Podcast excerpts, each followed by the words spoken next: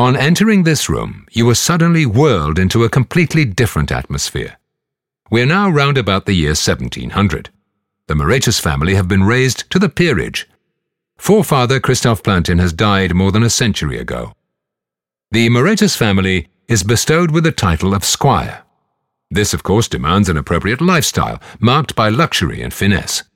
You can really feel it here in this room with its French gold leather, the porcelain tea service carrying the brand new family crest, the Louis XV clock, and the portraits of former residents.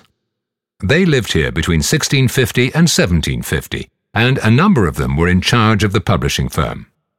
Above the door that leads to room 29, you can see the portrait of a young Balthazar III Moretus, and right across from him, you see his wife, Anna Maria de Neuf.